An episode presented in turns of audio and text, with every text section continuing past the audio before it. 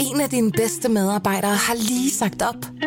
Heldigvis behøver du ikke være tankelæser for at undgå det i fremtiden. WinningTemp indsamler data gennem hyppige og anonyme medarbejderundersøgelser, så du lettere kan mærke pulsen på dine medarbejdere og støtte der, hvor der er behov. Kunder som Alfa Laval, Orkla og Volvo bruger allerede WinningTemp og ser, at det øger trivsel, reducerer turnover og hjælper med at fastholde talenter. Få gratis gennemgang allerede i dag på winningtemp.com.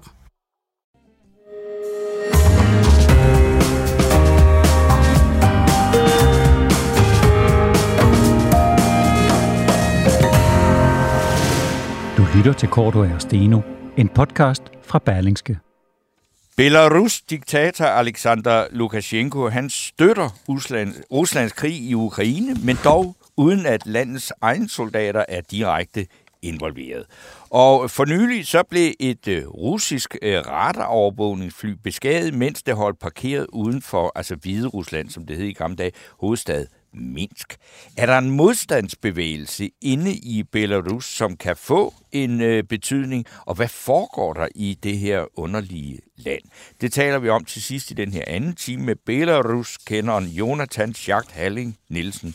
Velkommen, mit navn er Torben Steno. Og jeg hedder Jarl Cordova, og vi har ikke låst os fast på en modtager af denne uges Fedusbams. Torben Steno, han har nomineret Jens Christian Lytten, øh, Københavns øh, venstreborgmester.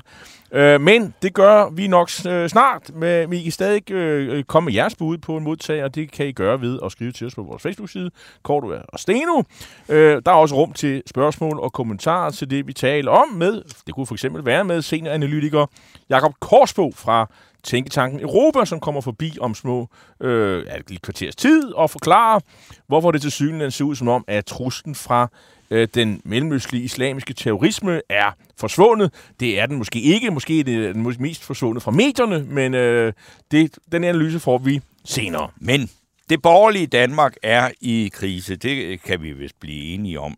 Øh, men øh, hvad skal der gøres ved det? Ja, altså de øh, borgerlige, de mener jo nu selv, at der skal en åndelig oprustning til. Og en række borgerlige stemmer vil til sommer invitere kursister på en nydannet borgerlig højskole under navnet Rabex Højskole, hvor man bliver introduceret til alt det smukke i borgerlighed. Det lyder godt.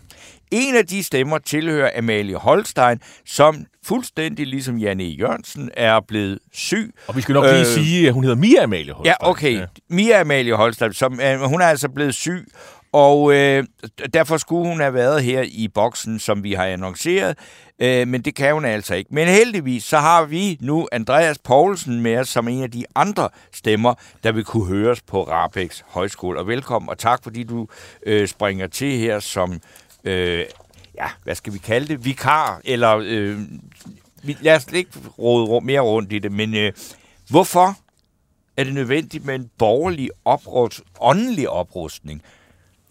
Jamen det er det jo, fordi øh, først og fremmest tusind tak for invitationen. Øh, Mia og jeg har jo øh, gennem mange år øh, ledt et, et, et, øh, et spontant øh, netværk af borgerlige mennesker, som, som taler om den smukke borgerlighed, og, og, og hvad skal man sige, synes, at det borgerlige er, er noget særligt i sig selv.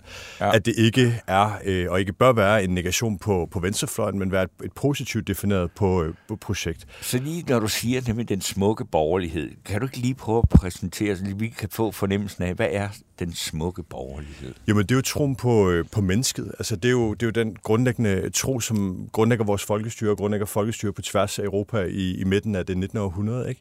Det er en, desværre en historie, som mange mennesker ikke kender i dag, og i særdeleshed øh, mennesker, der kalder sig borgerlige, ikke kender den øh, historie, der handler om øh, det danske folkestyres øh, grundlæggelse, som var en del af en bevægelse af borgerlige revolution, der skyllede hen over Europa i midten af det 19. århundrede. Og det var jo en ny samfundsorden, der blev grundlagt på det tidspunkt med folkestyret. Man gik fra enevælde til netop folkestyre. Og der var et bestemt menneskesyn, der lå til grund for det. Netop den idé, at mennesket kan blive borger, at kan tage samfundsansvaret på sig, at alle mennesker kan det.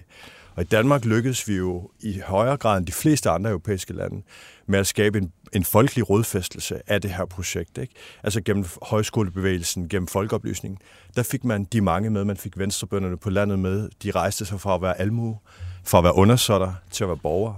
Og det er et meget, meget smukt projekt. Det er en stor del af Danmarks moderne øh, hvad skal man sige, succes. Øhm, men desværre også noget, der er gået i glemmebøgerne. Og det er jo højskolebevægelsen også, ikke? Jamen, det, det, altså, vi har jo, landet er stadigvæk øh, tapetseret med højskoler.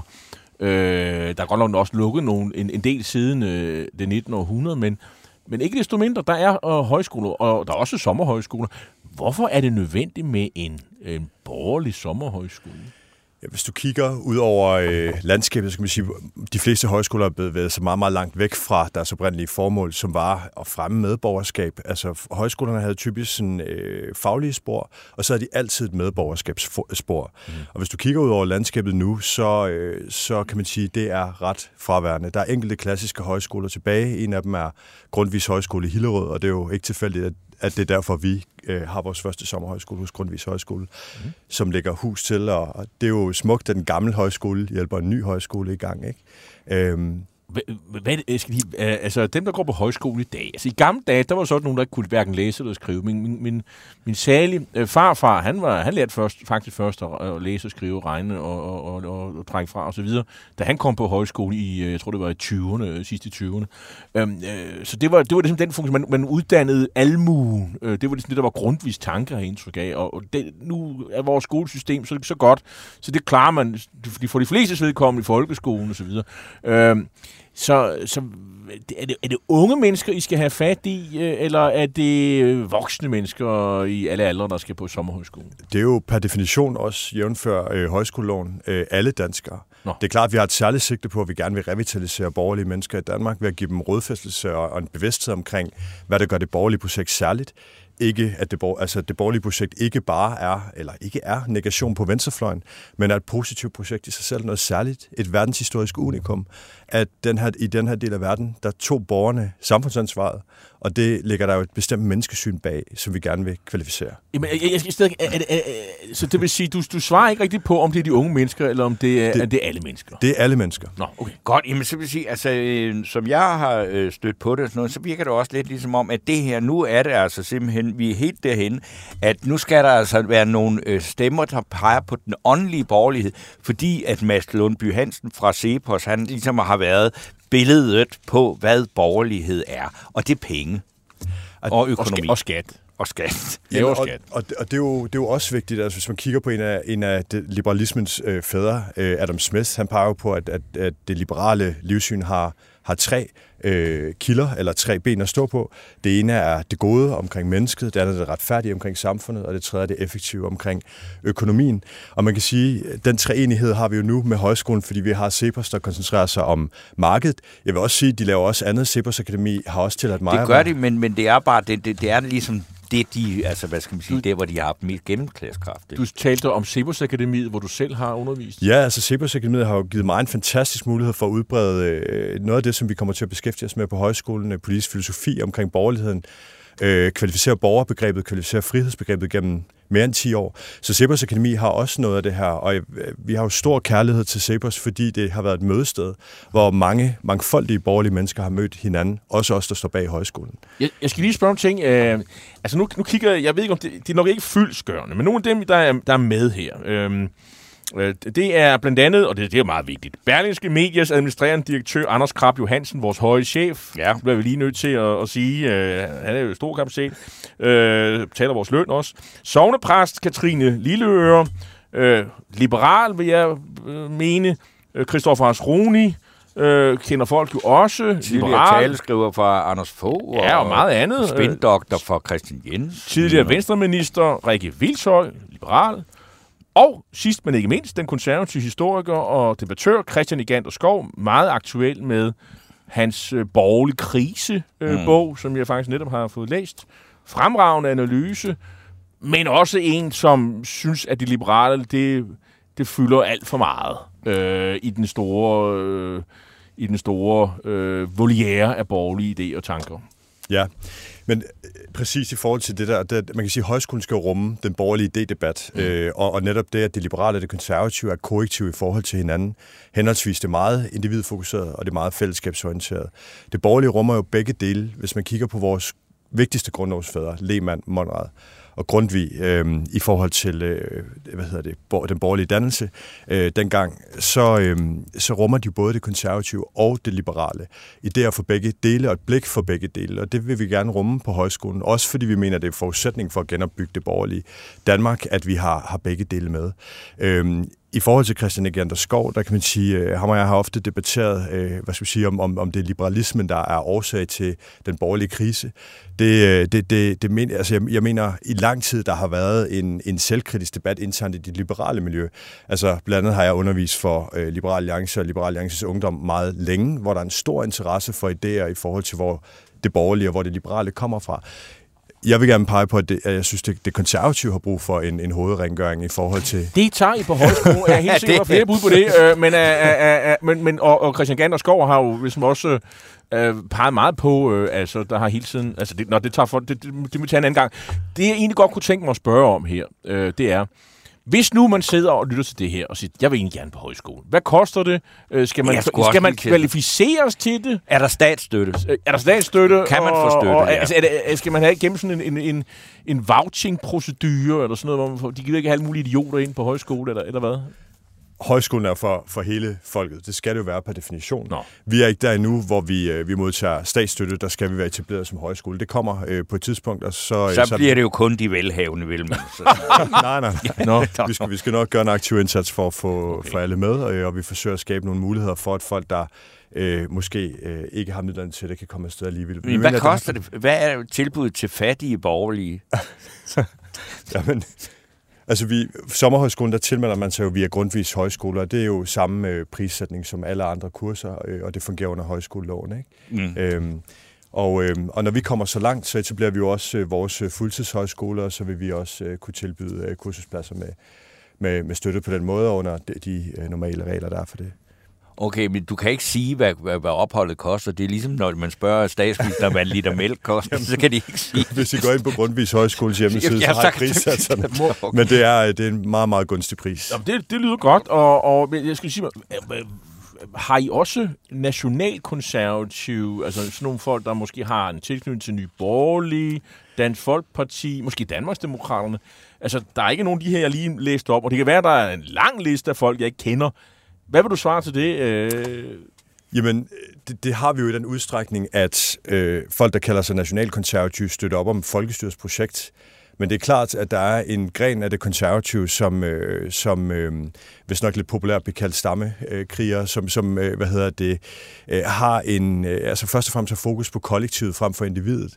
Øh, der, der, øh, der, kan man sige, der kan man diskutere, om det er en del af det moderne borgerlige projekt. Så Kasper Støvring og Søren Hvid Petersen og sådan nogle øh, nationalkonservative øh, tænker, idé med og sådan noget, de er ikke med. Jeg, jeg tror, de, de har, der er roligt, altså, de har haft øh, rigtig meget ørenlyd, og jeg, jeg tænker, de har deres øh, fora. Øh, men højskolen er jo åben og bred og har åbne, åbne døre. Øh, men det er klart, at vi har, vi har erklæret os øh, som et borgerligt projekt i den forstand, at Lehmann var, var borgerlig. Han var nationalliberal, ikke rummet det konservative og det liberale, men jo med en, en stærk tro på folkestyret, på folkeoplysning, på oplysningstiden osv. Så det er, det, er, det er gode gamle Orla Lehmann, øh, som er, er idealet her. Øh.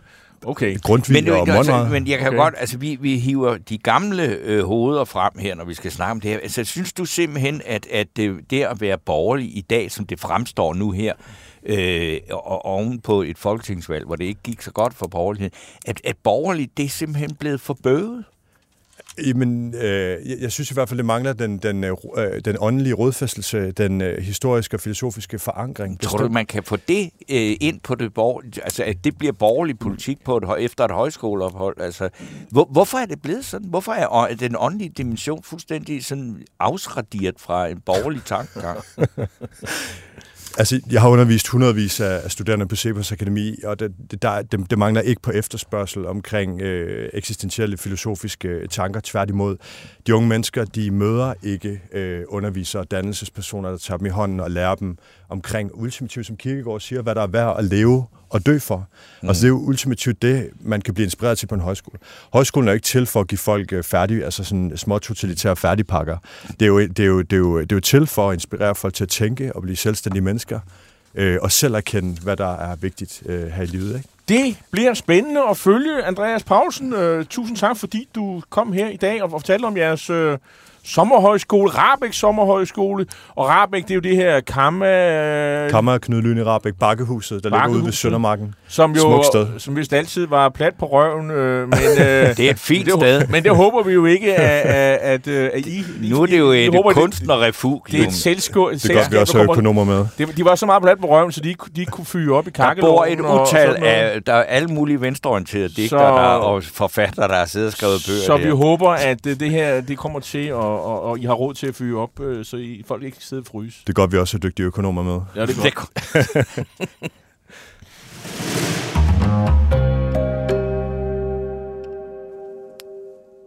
Heldigvis. Øh, nej, jeg kunne godt lige tænke mig at, at sige øh, noget her. Øh, to, øh, hvad hedder det?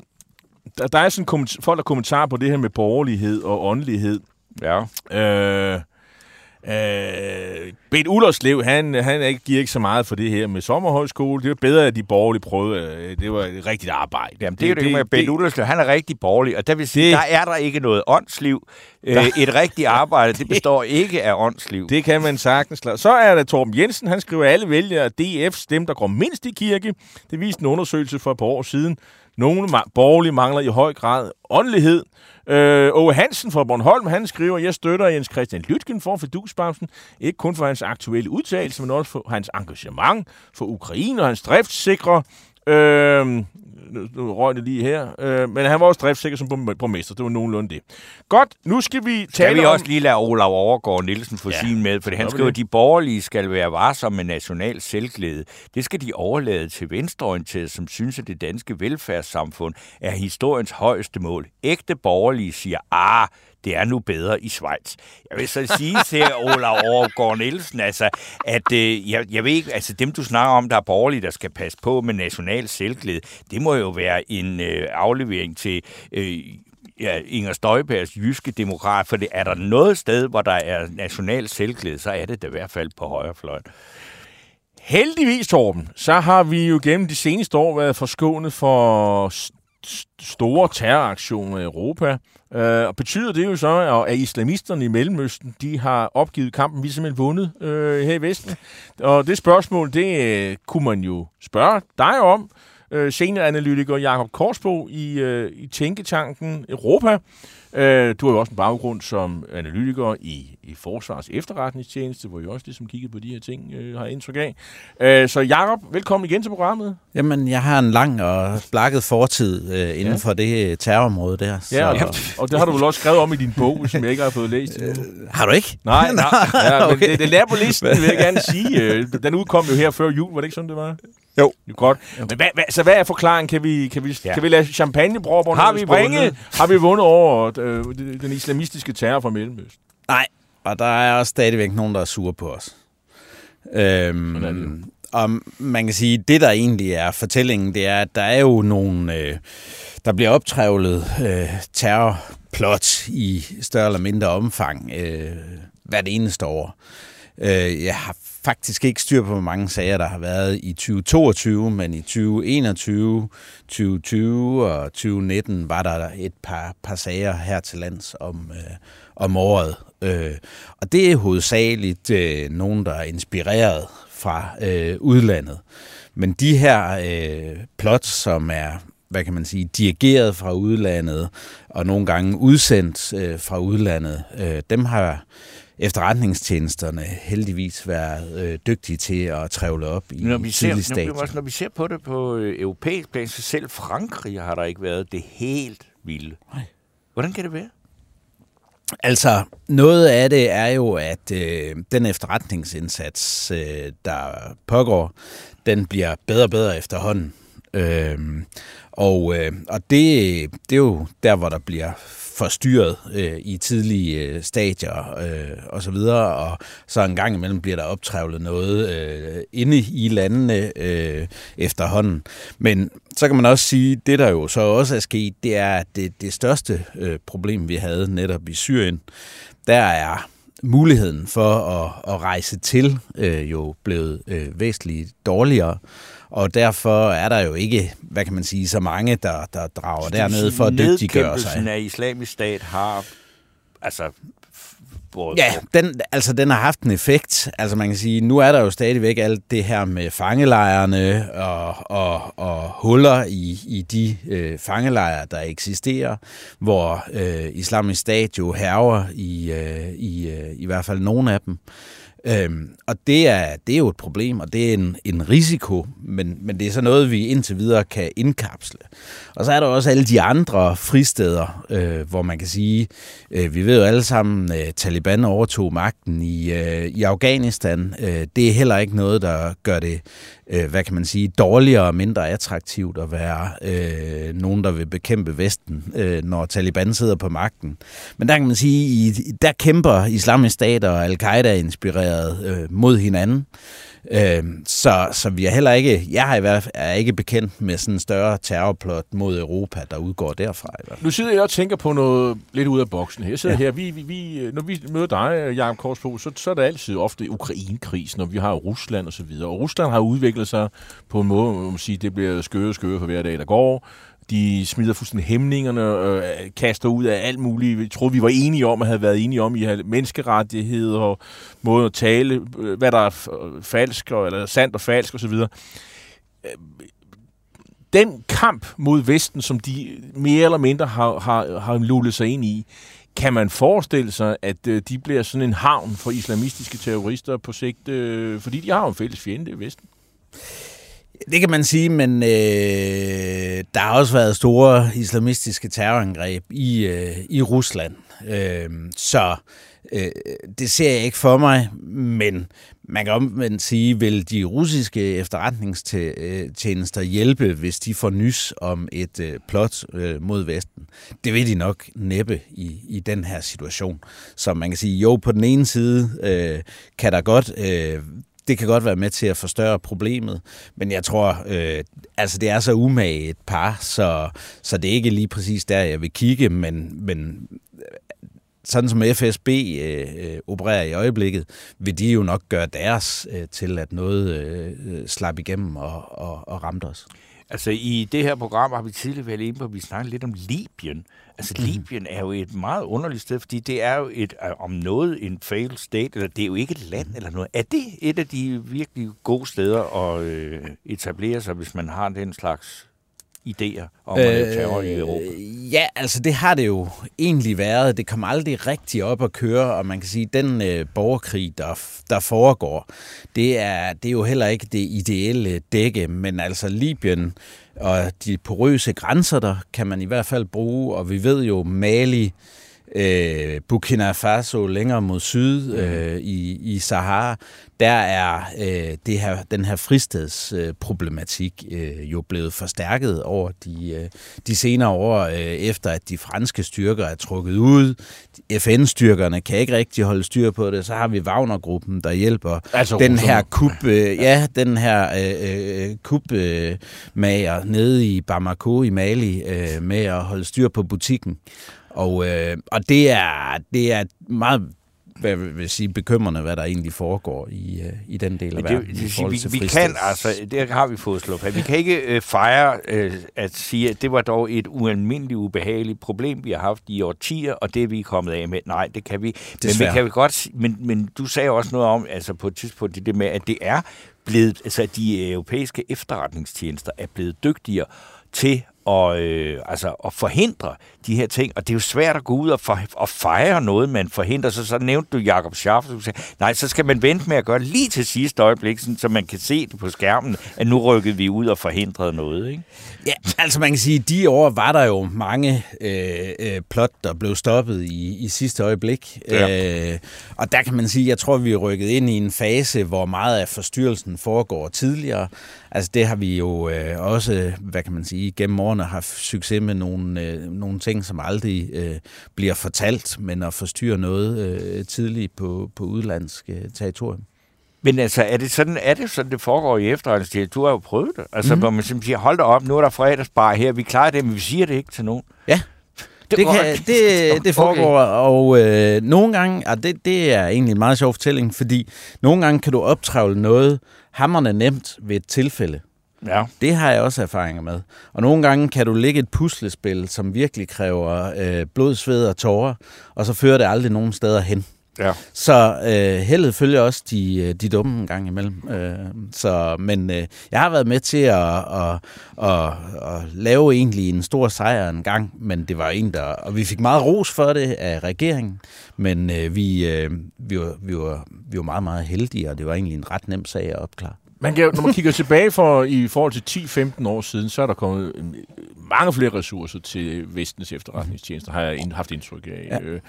Øh, der, vi har også set, øh, at- at der er alle mulige tiltag med sten, der ligger alle mulige steder, så man ikke kan springe bomber. For eksempel over Christiansborg, de der kugler og skraldespandene, de er jo gennemsigtige. Og, Koranklodser, som Pernille Vermund så ja. smukt Og- og poetisk Og, og i, hvis man går sådan i, i lufthavnene, så er det også øh, tjekket op, og der går folk med, med, med maskinpistoler og sådan noget. Så det vil sige, det er jo alle de sådan lavt hængende frugter, de er, altså i forhold til sikkerhed og sådan noget, security, det, de er ligesom høstet ind, og det betyder jo noget. Men så er det jo de her modbydelige mennesker, de, øh, de udvikler jo så bare nye øh, strategier, ikke? Og hvad, hvad, hvad, kan man sige noget om, hvad det er for nogle strategier, de sådan har udviklet? Jo, men altså, hvis man kan se, sige sådan, rejsen øh, var jo øh, de her store, meget spektakulære øh, angreb, der blev udført i Vesten, som var dirigeret fra udlandet. Øh, og øh, det sidste sådan rigtig store af dem, det var vel Paris, øh, som, øh, som, som Hvad er det i 15 eller hvad? Ja, som var, som var rigtig voldsomt. Ikke? Øh, og, og, og siden, på grund af den indsats, der foregår, så er det jo været mere sådan ensomme ulve, og, og nogen, der har opereret og er blevet inspireret til at lave øh, mindre angreb. Og det er jo det, man kan sige, når, når de store ikke kan slippe igennem længere, så er der nogen, der forsøger at, at gøre det på en anden måde. Og det er jo der, efterretningstjenesterne hele tiden skal bruge deres, øh, deres øh, informationsgrundlag til at være foran kurven. Øh, og det kan være super svært, og jo, jo mindre planlægning der er, jo flere der er involveret, jo sværere er det jo også at komme i forkøb. Hvis man så ser på det øh, sådan øh, med, altså helt lokalt, altså, så tænker jeg, er det også fordi, at der måske over de senere år altså, har været øh, mindre succesfuld rekruttering til altså, radikal islamisk øh, terrorisme i Danmark? Jo, altså vi, vi, man kan sige, øh, jeg ved ikke lige præcis inden i Danmark, hvordan den situation er. Øh, der, der, har, der har kørt noget, men sådan at måle det i forhold til. Men, men vi kan i hvert fald sige, de år, hvor der var rigtig mange, der drog i træningslejre ja. og så videre i udlandet, det, det, det foregår ikke, og jeg tror også, der er noget med, at øh, det var jo noget nemmere at rejse til øh, Tyrkiet og, og, og ind i Syrien, Ja. end det er at komme til det nordlige Mali, øh, midt inde i, i Sahara, ikke? Øh, og det, det er der måske få øh, europæere, der egentlig øh, har lyst til. Jakob Korsbo, jeg tror, der er mange, der så der i tv i går, skulle kommentere på øh, den her vanvittige historie med, at der var nogen, der skulle have lejet en, en lystjagt i Rostock, øh, sejlet til Christiansø og hygge sig lidt der, og, og sendt nogle dykkere ned, privat åbenbart, ned på 80 meters øh, dybde, og lavet de her, øh, det øh, sprængte de her to øh, russiske gas, gasledninger. Øh, den tror du ikke rigtig på, vel? Ej, Hvor, hvorfor, hvorfor ikke? Det, det er der så mange andre, der gør New York Times og øh, andre. ja, præcis. Men altså, det der med, at, altså, det er jo seismiske målinger, der så kraftige har sprængningerne været, ikke? Mm. Så vi taler virkelig øh, mange, mange hundrede kilo sprængstof. Og de skal så ned på 80 meters dybde, hvor du ikke engang kan bruge almindelig ilt, så det vil sige, at du skal jo have nogle øh, ar- gasarter, som kan hjælpe dykkerne. Og at to dykkere skulle kunne øh, klare det her, og ikke blot lave en sprængning, men øh, to, muligvis tre, det er lidt usikkert, om den tredje også vidderlig var en sprængning, eller hvad der skete der. Men, men altså, øh, at to øh, supermænd skulle kunne klare det, det, øh, det er der meget, meget lille sandsynlighed for, øh, vil jeg sige. Øh, og, og der er mange løse ender i det, fordi du kan ikke få sådan noget ned på 80 meter dybde med så stor præcision, og så skal de her dykkere flytte det. Altså, det er en operation, der kræver øh, virkelig Men er, noget. er du ikke overrasket over, at så mange øh, sikkerhedspolitiske jagttager, der faktisk køber den her, også i Danmark, der faktisk Jo. køber den her dagsorden? Jeg, jeg har jo. jo, forbløffet over så mange navne, som, øh, som siger, de vil ikke udelukke det og sådan noget. Ja, ja. Jo, det er jeg, men, øh, men det er i hvert fald øh, et, øh, et plot, som øh, er vanskeligt at, at få til at gå op med virkeligheden. Øh, så det er derfor, jeg bruger sådan den her Supermans, øh, øh, det her Supermans udtryk. Jeg vil, jeg vil sige det sådan, nu det specielle ved det her er jo, at det er kommet ud fra efterforskningen. Og øh, der kan man sige, det er jo sådan første gang, at der er noget håndgribeligt, hvor man kan sige, det er nogle efterforskere, der har lækket noget. Og det er derfor, jeg siger, at det er sandsynligvis, fordi det er plantede beviser, der er tale om, at der så kommer den her historie om... Men skal vi lige tage den anden også, den der, ham der, den berømte amerikanske journalist Seymour Hersh, der har skrevet den der historie om, at det er Norge og USA, der står bag det ja. her. Der skal jeg da love for, det, det kom jeg til på Facebook og skrive, den troede jeg ikke på, så fik jeg simpelthen en, altså en storm imod mig. Ja. og så siger, hvad, hvad, hvad tænker du om det? Altså, Jamen, den, den var jo helt øh, fantasifuld. Øh, der, der gik jeg helt i kage, øh, da jeg, da jeg læste det er Lars den. Jules Sørensen, der skriver, come on, det var USA i samarbejde med Norge. Den lever i bedste velgående. Den lever i bedste Jeg ved ikke, om det er, om det er en ironisk kommentar. Det eller ved jeg ikke. Jeg, jeg, bliver, jeg bliver nødt til at sige, at øh, hvis man hudfletter den historie, øh, så er der så mange huller i, i den. Ja. Og, og ting, der simpelthen faktuelt ikke passer. Blandt andet det med de norske overvågningsfly og, og de skibe, der skulle have været til stede. For det er noget, man konkret kan gå ind og hente data på. Okay. Øh, så, så, og, og jeg, jeg tror, øh, jeg kan ikke hele listen af ting, der simpelthen ikke stemmer i historien. Men den er i hvert fald øh, øh, helt ved siden af skiven. Simon Kan Hørs kan- kan- troværdighed er heller ikke så stor, men han sagde, at de grønne sad på kanslerposten i Tyskland. Øh, øhm, han er også ved at blive en gammel herre. Ja. Ja. Jeg tager lidt nogle hurtige, øh, nogle hurtige spørgsmål her. Lars Jules Sørensen skriver, Nord Stream 2, var det ikke også terror? Hvad vil du sige? Det er det vel ikke? Eller hvad, hvad, hvad vil du sige? Det, det er jo det, russerne siger. Men, men de afviser til gengæld, Men, det, at det øh, skulle være ukrainerne, der har gjort det. jo. Ja, altså, altså jeg vil sige, øh, alle andre end russerne har i hvert fald rigtig meget at tabe, hvis de, hvis de gjorde det. Hvis vi skulle sige, at okay, USA, øh, Ukraine, hvem man nu kan finde på, øh, de, de har også sagt, at det var britterne. Ikke? Altså, der er rigtig meget at tabe i forhold til alliancer og så videre, så videre, så videre.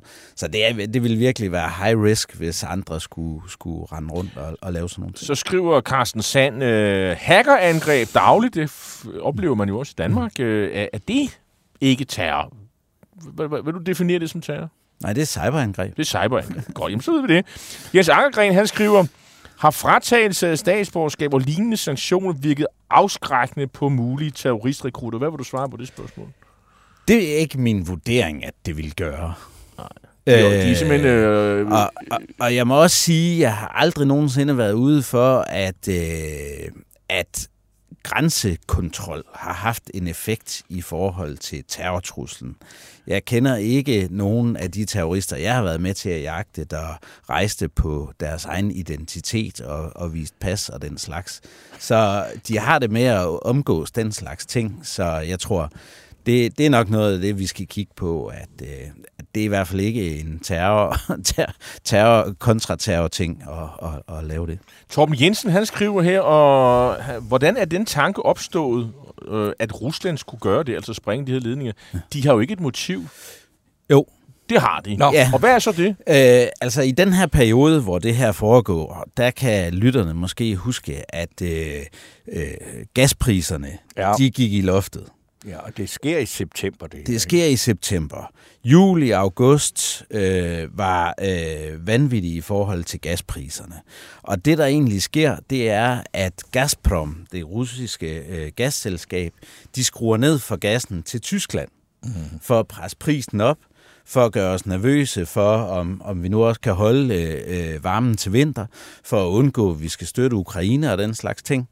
Og, øh, og, og, og, og, og der siger tyskerne jo så, jamen hov, I har lovet den her leverance. Vi starter en sag mod Gazprom for ikke at leve op til øh, leverancerne.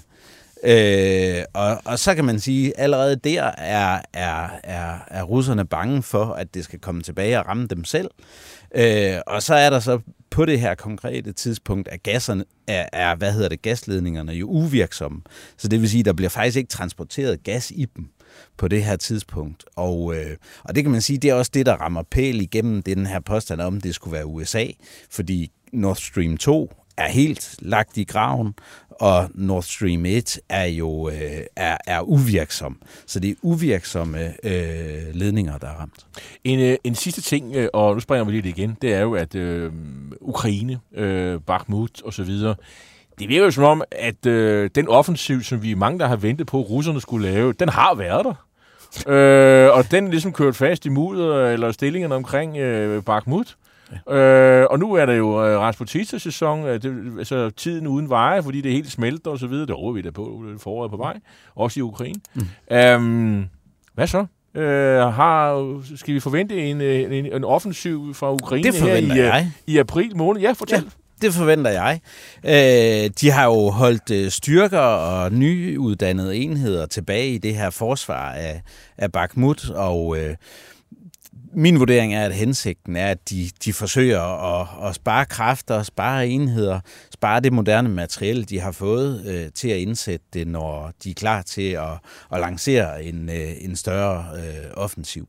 Og det er mit gæt, øh, at det kommer i, øh, i løbet af april. Og det bliver spændende at se, hvor langt de kommer i med, med det i ukrainerne. Tak fordi du Jakob kom. Korsbo, du skal lige have det her Ja. med Lasse Andersen. Han skriver, suveræn viden, manden ligger inde med. Han er dygtig og virkelig inde i stoffet. Jeg er fuldstændig Ja, enig. så kan han Tusind godt blive inviteret til, her til programmet. Ja. Ja. God gang. Så øh, vi, vi håber snart at se dig igen, fordi der er jo lort nok i verden. Så øh, må ikke, du vi får brug for Hvis at jeg ikke bliver svinet alt for meget til, så er det også okay. Ja, det- Okay.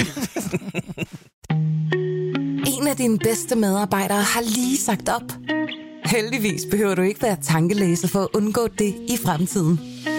WinningTemp indsamler data gennem hyppige og anonyme medarbejderundersøgelser, så du lettere kan mærke pulsen på dine medarbejdere og støtte der, hvor der er behov.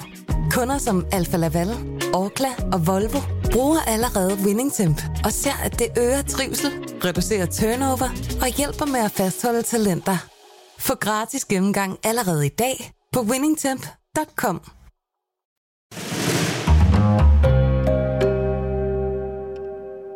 Nu øh, sluttede vi jo øh, på Ukraine, Ja. øh, og lige ved siden af, der ligger jo Belarus, eller Belarus, øh, engang kendt som øh, Hvide Rusland, øh, men øh, vi, øh, nu, nu kalder vi det for Belar- Belarus, og, øh, og når vi siger Belarus, jamen, så siger vi jo også Jonathan Schacht Halling Nielsen, som jo er Belarus kender og har besøgt landet mange gange, følger det udviklingen i landet tæt, hvor de jo slås med øh, diktatoren Alexander Lukashenko, som jo øh, har besøgt Kina og, og, og støtter pænt op om Rusland og, og, og, og, og i det hele taget øh, kritiserer den ukrainske regering, men holder øh, sit eget land ude af krigen indtil videre.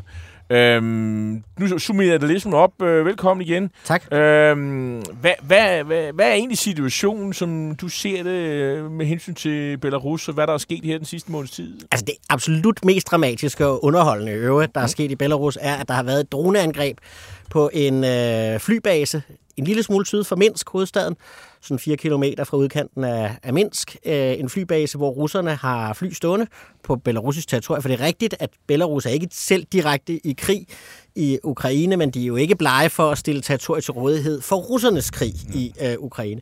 Og på denne flybase, der holdt der en såkaldt øh, A-50-maskine, sådan en radarmaskine, der kan øge præcisionen af russiske MiG-angreb mod øh, En ukrainske. utrolig gammel IL-76. Jo, det kan være, Omdannet. men også en utrolig dyr maskine, ja. som øh, russerne har helt ufattelig få af. Altså, der, tallene er sådan noget mellem 6 og ni af denne her type øh, for krigen ret vigtige maskiner. Og øh, dårligt nok noget, øh, de belarusiske myndigheder siger, at det her angreb overhovedet ikke havde fundet sted, som belarusiske partisaner, øh, altså oppositionelle, tog ansvaret for. Øh, og myndighederne siger, at det fandt ikke sted, og så kom øh, øh, gruppen med en øh, video, der viste, at de fløj en drone ind og landede den på øh, toppen af radaren op på, oven, øh, på, på maskinen. Øh, og øh, så gik øh, myndighederne ud og sagde, at øh, der var ikke sket særlig store skader på det her fly, og øvrigt viste en video af, at det ved egen kraft fløj Ja. ud af landet. Øh, og så kom der en video af, at øh, de fløj ind og, øh, og øh, sprang dele af det her øh, fly i luften. Så en massiv ydmygelse af Lukashenko, som har været nødt til at stå på tv og sige, ja, de har godt nok et droneforsvar, men det virker ikke på så små droner, som blev brugt her. Og, og det er jo så en invitation til mere af den slags, tænker Og jeg. der røg jo også en, øh, en, en russisk øh, øh, oberst, eller noget den stil. Det har der i hvert fald været rygter om, om det holder eller ikke holder. Der er mange sådan rygter om, hvad der egentlig hvem der gik til, og hvor store skaderne var, og sådan nogle ting i de angreb. Men man vil i hvert fald sige, at den der flyvemaskine er godt nok havnet i Rusland igen nu, men den er til reparation øh, derovre, og, og er i hvert fald midlertidigt pillet ud af, af, af krigsregningen. Men noget, der gør den her episode meget interessant, det er jo fordi, at det netop, vi altså er der en hviderussisk, et belarusisk modstandsbevægelse? Fordi vi har jo været, andre gange du har været derinde, så har du sagt, at den har været aktiv, ligesom mm. gang øh, som jernbanesabotørerne under 2. verdenskrig i Jylland med, mm. og for at, at lave sabotage mod sporene som togene kørte ned sydpå mod Ukraine. Ja. Altså, hvor stærk er det, altså med, med det, du ved om det? Er, er, altså, er det en magtfaktor? Det var det i starten af krigen på den måde. Lige præcis jernbanesabotagen. Der var over 80 jernbanesabotager. Øh, men det virker som om, at, at myndighederne fik slået ned for, for dem og fik stoppet dem. Det var jo i høj grad, viste sig, i uh, personel i de belarusiske jernbaner, der i høj grad selv saboterede deres eget arbejde. Øh, og det havde de jo så nogle særlige forudsætninger for at, at kunne. Og så har der faktisk været lidt stille. Det, der er specielt nu, det er, at der er en bestemt organisation i øh, den organiserede opposition, som har taget ansvaret for det, der er sket. De hedder Bypol. Øh, det er en organisation af nuværende og tidligere sikkerhedsfolk i det belarusiske øh, regime, øh, som siger, at det er dem, der har gennemført den her ret militærlignende øh, operation. Og det har vi ikke set før. Øh, og spørgsmålet er, om vi kommer til at se mere af den slags. Og de siger, at det er en del af deres plan, victory-planen, at lave denne her type nålestiksangreb. Så de lægger ligesom selv op til, at vi kunne se mere af den slags. Men det var altså, og det, der var de andre gange, du har været her, det var dengang, vi, altså, hvor, hvor, hvor der var kæmpe demonstrationer på gaderne, i, og det var oppositionen, og det var mod et, øh, altså et falsk valgresultat og alt det der. Mm. Men hvor er alle de her mennesker? Er det, er det ved at sige, okay, der, det, det lykkedes Lukashenko at, at slå det ned, Øh, men men er, er, er, er, er det, vokser det sådan, ligesom til, til sådan en slags øh, altså, guerillabevægelse? Det er jo det, der er spændende at se, om det kan, om det kan gøre det. Når man snakker med Tikhanovskaya, altså hende, der vandt præsidentvalgets øh, egen stab, så er deres melding at sige, øh, belarusisk historie er fuld af eksempler på væbnede opstande, der er mislykket. Så i udgangspunktet er det ikke en vinderstrategi i Belarus. Øh, så de leder ligesom efter nogle andre veje. Men de ser en forbindelse imellem, hvordan krigen i Ukraine går, øh, og forhåbentlig vinder ukrainerne den, og så vil øh, Lukashenko være isoleret i forhold til Moskva, hvis, øh, hvis, hvis øh, tronen skulle stå og vakle under, under Putin. Og de ser chancen øh, for dem i forhold til at komme af med Lukashenko i at være et russisk krigsnederlag i, øh, i Ukraine. Så derfor er deres interesser sammenfaldende, og derfor er krigen der blevet øh, også et udtryk for hjemlig modstand. Derfor ser man jo også, at det land, der stiller med flest frivillige til den ukrainske her, hmm.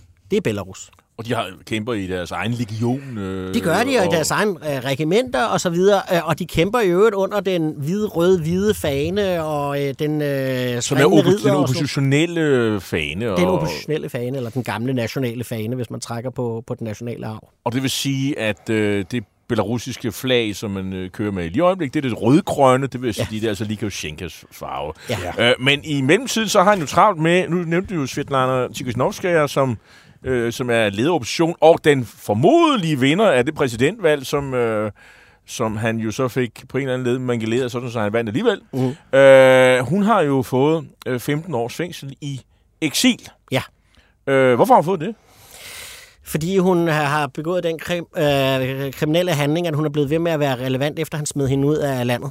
Øh, og hun har vist sig at være en ekstrem effektiv øh, lobbyist øh, i forhold til at sikre, at der er et vedvarende europæisk øh, og internationalt øh, pres på Lukashenkos regime.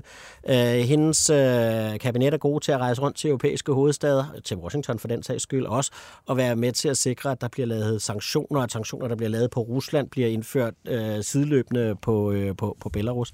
Så man kan sige, at han håbede jo, at han kunne komme af med hende ved at skubbe hende ud af landet. Det lykkedes med andre øh, oppositionsledere igennem tiden. Men hun er simpelthen blevet ved med at være relevant og blevet ved med at lede oppositionen også fra sit eksil i Litauen. Ja, hun blev simpelthen øh, modtaget af alle ledere, tror jeg. Hun købte med Frederiksen og taget imod hende ja, ja, ja. på et tidspunkt, øh, og, og der er åbne døre. Hvor, øh, Joe Biden, så vidt jeg husker. Yes, også, øh, ja. hun har også været i det hvide hus. Men Jonathan Schacht Halling Nielsen, det var det hele navn. Ja, altså, øh, indtil videre. Hvis, altså, Putin vil jo gerne have, at, øh, at Lukashenko han stiller øh, rigtige soldater, rigtige mennesker, så de kan komme ned og blive slået ihjel dernede. Altså, hvorfor gør han det ikke? Altså, hvad er det? Fordi hvis han gør det, bliver modreaktion blandt den der, fordi man må sige, relativt store opposition i landet, mm. bliver den så, så det, det kan blive dråben til, at folk virkelig går på To ting. Jeg tror for det første skal man øh, være klar over, at den belarusiske befolkning er massiv øh, imod deltagelse øh, i, øh, i Ruslands krig i Ukraine.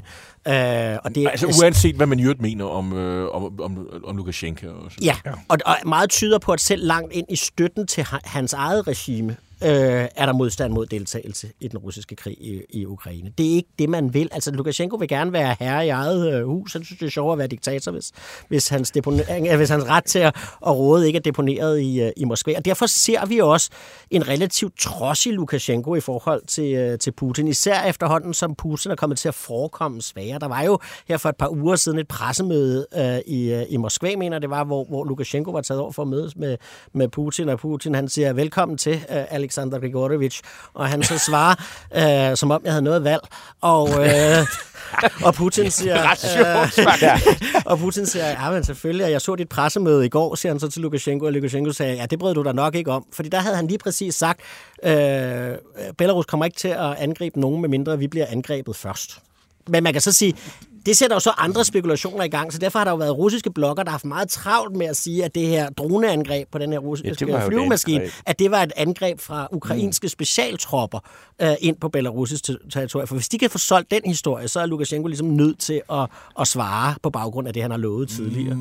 Men så den måde, Lukashenko støtter Ru- Ruslands krig i Ukraine, det er jo sådan noget med øh, baser, øh, med, med, med, med, med udstyr, altså, altså øh, de der øh, pansrede mandskabsvogne. Og raketter og bomber og sådan nogle alt, ting. de- alt, altså de efter sine skulle våbenlærerne have været åbnet og fragtet, hvad man nu havde og kunne stille til, til rådighed. Så kan du sige, øh, og så øh, infrastruktur på forskellige vis, altså belarusiske hospitaler for russiske sårede soldater og veje og jernbaner og alt det her, der skal til. Og luftbaser, ikke mindst, øh, til rådighed for russerne. Og russiske missiler bliver affyret fra belarusisk territorie og sådan nogle ting. Og så kan man sige, så er der jo også hele det, der handler om, at vi alle sammen sidder og gætter på, kunne han finde på at gå ind i krigen? Kunne han finde mm. på at bidrage til at åbne en front mod øh, Ukraine øh, nordfra? For hvis han kunne det, så er ukrainerne jo under alle omstændigheder nødt til at holde styrker i baghånd, ja. som kan sikre de områder, hvis det bliver nødvendigt.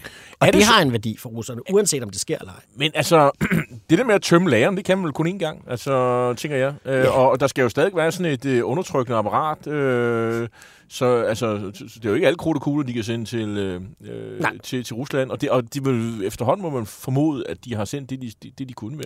Der er i hvert fald ikke de samme øh, historier om, øh, om transporter ud af Belarus øh, længere. Jeg vil så sige, at en anden ting, som den belarusiske øh, opposition har bidraget ganske væsentligt med, er 10.000 vis af øh, hvad skal du sige, små stykker af informationer, som de deler med de ukrainske, øh, med den ukrainske kommando, om hvordan øh, russisk logistik fungerer i, øh, i Belarus. Så, så folk øh, ra- fotograferer og indrapporterer direkte til ukrainerne, øh, hvordan øh, russisk materiel bliver bevæget rundt i, øh, i, i, i Belarus. En sidste ting, hvor Belarus i øvrigt bidrager, det er, at i kølvandet på den russiske mobilisering har de stillet øh, belarusiske kaserner til rådighed for træningen af russiske det er jo øh, soldater. Mm. Ja. Altså, der er Lars Jules Sørensen, og- det er et spørgsmål som, øh, til dig, som, som øh, refererer til, at Lukashenko lige har været på besøg i Kina. Ja. Og der så, så han spørger, kunne Kina finde på at sælge våben til Belarus, som så derfra kunne sende dem videre til Rusland? Om Kina kunne finde på det, ved jeg ikke. Det ved jeg simpelthen ikke nok om Kina om. Men der er i hvert fald sige, at, at, at, at det at bruge øh, Belarus øh, som mellemland ja. Ja. i forhold til at omgå sanktioner for eksempel, det ved vi er noget, der forekommer. Okay. Øh, og det ved vi historisk er noget, der er sket også i forhold Og det er til en god våbentransporter. forretning for Belarus, for de at laver du jo ikke sige, særlig mange penge at på Man noget har blandt andet brugt det historisk tilbage i 90'erne og 0'erne til at vaske øh, hvide russiske våben sorte, så de kunne komme ned til nogle lidt sjove afrikanske øh, stater via Belarus. Okay. Ja, øhm, og altså, hvad har man så af, af, af forventningen til øh, herfra? Altså, øh, altså, øh, det er jo som om, at han ligesom øh, træder vande, øh, Lukashenko, altså, og håber på det bedste og holder holde landet ud, ud, ud af krigen. Og så, men, men der skal ikke ske så meget mere herfra, vel? Man kan sige, at han håber jo nok, at han kan få en eller anden rolle, øh, der gør, at han har nogle flere heste at holde på end, øh, end, end Putin i virkeligheden. Og derfor er han i Kina og prøver at se, om han kan dyrke noget venskab der. Derfor har han jo også et historisk stort antal politiske fanger, som man måske håber at kunne få en handel i gang med, med Europa. Fordi det er heller ikke i Lukashenkos interesse at være isoleret øh, sammen med Putin. Uh, han har jo altid spillet på det, man kalder penduldiplomati, øh, altså at hans alliancer hele tiden svingede en lille smule, så han havde noget øh, at handle med til, øh, til begge sider. Så man har jo set ham masser af gange byde sig til i forhold til at kunne være øh, et format for fredsforhandlinger i Ukraine og den slags. Det vil han vældig gerne. Men, men det udelukker det, som oppositionen foretager og minder om hans egne forbrydelser. To spørgsmål. Er der stadigvæk en strøm af folk fra Hvide Rusland, som tager til Ukraine for at kæmpe i ukrainske legioner? Er der, øh, det andet spørgsmål det er, øh, ser vi noget tegn på, at han faktisk øh, øh, løslader nogle af de her politiske fanger, han har, eller er de bare øh, indespærret, og så er han smidt nøglen væk, og så får de sådan noget 20-25 år i straffelejr, eller er det sådan noget? I hvert fald sige, strømmen er ikke helt så markant, som den har været for det første. Øh, der er mange øh, belarusiske soldater på ukrainsk øh, jord, og måske, altså det kan man jo også spekulere i, om det er nogle af dem, der er vendt hjem og for at lave en angreb, som det vi øh, mm. så for nylig. Øh, og det der er helt sikkert en frygt for hos, øh, hos Lukashenko, så han vil også gøre, hvad han kan for at, at dæmme op øh, der. I forhold til politiske fanger, det kan godt være en gang imellem, at der er nogen, der har udstået deres straffe, så er nødt til at løslade dem, så derfor kan det godt falde lidt. Men generelt er tallet faktisk fortsat stene med over 1460 anerkendte politiske fanger. Og udover at Svetlana Tikhanovskaya og Pavel Latushka i øvrigt lige er blevet dømt i eksil, så er Nobelprispinderen, øh, menneskerettighedsaktivisten Alice Beljatsky lige blevet dømt 10 års øh, fængsel øh, for en uge siden også. Så, øh, så, så listen bliver stadig øh, længere og længere. Og der er nok øh, lang tid, hvis, hvis man ligesom fængsler Nobelprismodtagere. Øh, det, så det er ikke lige frem der. Det ser ikke så godt ud. Nej, det gør det ikke. Så. Tak fordi du kom, øh, Jonathan Schacht Hadding Nielsen, Belarus kender.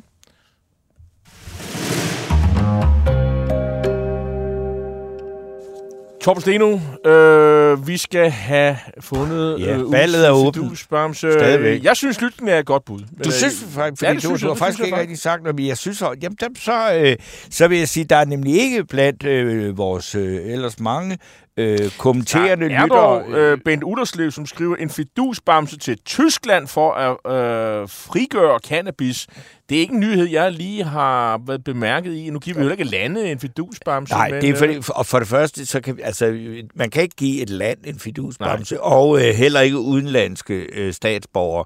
Jo, hvis de har gjort noget fantastisk her i Danmark, men altså, vi, vi holder det inden for landets grænser, så Bent Ullerslev, det er sådan set fint nok, at du gør opmærksom på det, men det ligger uden for hvad skal vi sige, reglerne. Og så, øh, jamen, så, så jeg, jeg vil sige, der, er- der, og der er ikke rigtig kommet andre, men der er dog kommet en tilkendegivelse øh, fra, øh, jeg tror nok, at det er din personlige Bornholmske øh, fan, Åge Hansen, kan det ikke passe? Jo, men han har, ham har vi jo citeret. Har vi citeret ja, ham han, for han, den? Han bakker op om det. Ja, og, øh, og så, så kan jeg også sige, der, der er lige en enkelt kommentar her fra Steffen Sabro, der skriver, og det refererer til den øh, borgerlige højskole. Han skriver, hvor er det nemt at snakke om at have tro på mennesket og frihed, når man har stærke ressourcer, både økonomiske og mentalt, som om de svageste i samfundet er intet værd. At man har nok i sig selv er jo nemt med stærke ressourcer og et godt bagland. Hvad med de andre i samfundet? Det er mere egoistisk ideologi, nærmest halvt kultagtig.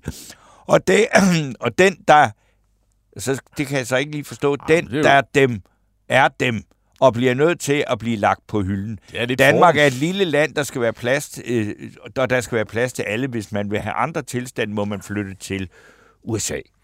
Altså, jeg synes, det er jo noget fordomsfuldt indlæg, var det ikke? Jo, jo det vil jeg sige, men Så- så, der, der skal, jeg Altså, er ja, glad for, at vi har du- lytter, der ikke er borgerlige. Vi er jo et borgerligt program. Øh, Ja, men derfor må man jeg, godt altså, høre jeg det. bemærker mig jo bare, og nu synes jeg godt, vi kommenterer det her, at øh, der er fravær af de na- nationalkonservative, DF og den slags typer. Det er sådan et øh, centrum højre projekt, øh, kunne man kalde det, VK, øh, hvor Christian Legant og Skov, øh, Ja. skal man sige, skiller sig en lille smule ud øh, i forhold til de, i hvert fald dem, jeg har øh, lige bemærket, liberale kræfter.